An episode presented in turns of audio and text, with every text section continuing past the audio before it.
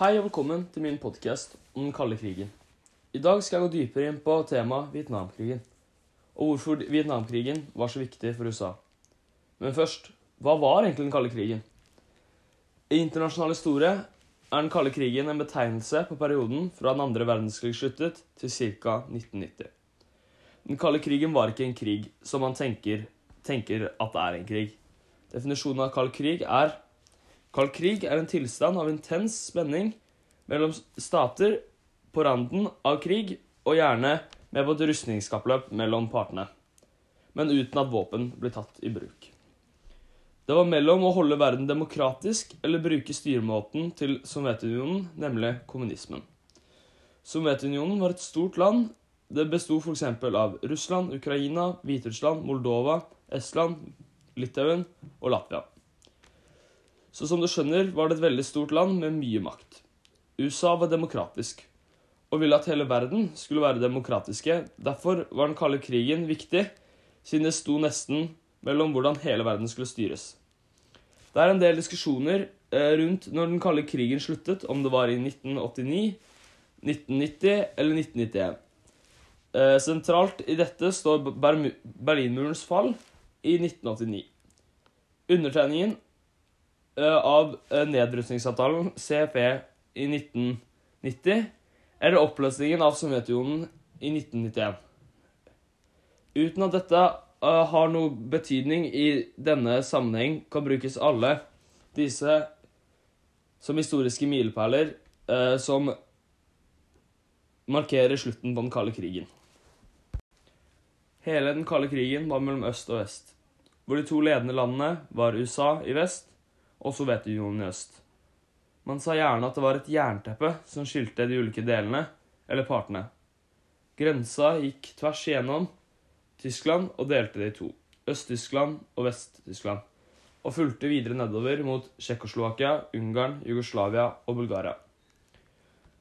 Eh, den kalde krigen kan defineres gjerne ved følgende fire hendelser.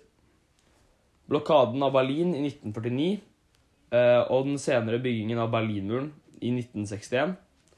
Koreakrigen, som varte fra 1950 til 1953. Vietnamkrigen, som varte fra 1955 til 1975.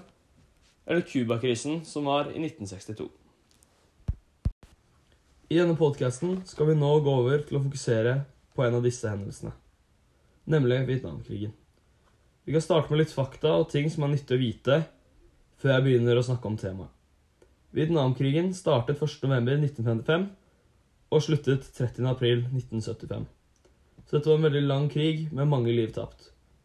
Ifølge USAs nasjonalarkiv ble 58.220 amerikanere drept i årene med krigføring i Vietnam. Myndighetene i Hanoi oppgir i sine offisielle tall at 1,2 millioner soldater, både nordvietnamesiske og Mekong-opprørere, ble drept. I tillegg kommer det også to til tre millioner sivile. Krigen var hovedsakelig mellom Nord- og Sør-Vietnam. Nord-Vietnam var et kommunistisk land og ville gjøre hele Vietnam kommunistiske. Dette synes Sovjetunionen var en bra idé, så de støttet Nord-Korea med ressurser, våpen og militær kunnskap. USA på sin side var redde for om dersom hele Vietnam ble kommunistisk, ville også det kunne oppstå en, en såkalt dominoeffekt, eller en skjedereaksjon, hvor flere land rundt Vietnam også vil bli kommunistiske. Tanken er at en liten hendelse starter en prosess med videretrekkende konsekvenser. USA var redde for at flere land i Asia skulle bli kommunistiske. De ville holde verden så demokratisk som mulig, eh, så dominoeffekten gikk egentlig ut på at hvis ett land under kommunistisk styre eh, ville da også nabolandene følge på slik at når én av dominobrikkene faller, hvis du kun dytter på én. Teorien kom i bruk under den kalde krigen for å vise den daværende, som, den daværende Sovjetunionen kunne spre kommunismen videre og til slutt infiltrere kommunisme i alle verdens land. For å forhindre dette kom den amerikanske presidenten Harry S. Truman opp med Truman-doktrinen, som gikk ut på å hjelpe alle land som følte seg truet eller ble angrepet av Sovjetunionen eller andre kommunister. I 1961 sendte president John F. Kennedy de første amerikanske mannskapene til Vietnam. Disse ble stående her i tolv år. Vietnamkrigen viser hvor viktig USA antok at dominoteorien kommer til å være. De brukte utrolig mye ressurser i krigen. Som nevnt ovenfor døde betydelig antall amerikanske soldater. Det vises også i deres bruk av veldig mye makt for å vinne. USA brukte f.eks. napalm når de bombet.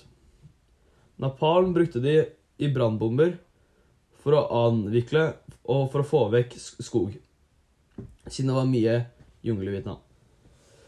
Verdens mest berømte og viktigste krigsbilde, er også, som også er logoen i denne podkasten, er bildet av en jente som løper naken da hun måtte ta av seg alle klærne siden napalmen brant av henne disse. Men som bildet viser, eh, gikk napalmbombingen hardt utover også sivile. USA spredde også kjemikalier fra fly, kjent som Agent Orange, for å avskoge jungelen. Men dette kjemiske middelet gjorde det også umulig å dyrke ris og andre vekster for sivilbefolkningen. Og det kjemiske middelet har senere gitt sivilbefolkningen betydelige og langvarige skader. Som dere også skjønner, så var USA veldig desperate for å vinne denne krigen og gjøre alt for å vinne den. Men dette greide de ikke likevel, og trakk seg ut i Vietnam i 1973. Etter den nordvietnamesiske Tet-offisen. Du ser, eh, selv om USA og Sør-Vietnam tapte denne krigen, så ble det ikke noen flere land som ble kommunistiske i, Asia. Så dominoteorien ble det ikke noe av. Så, så med så mange døde vietnamesere og amerikanere, og generelt sivile, var det virkelig verdt det. Det synes ikke jeg. Så mange liv ble tapt for at ingenting For det hjalp absolutt ingenting. Men tusen takk for, du, uh, tusen takk for din oppmerksomhet. Så håper jeg du har lært mye nytt.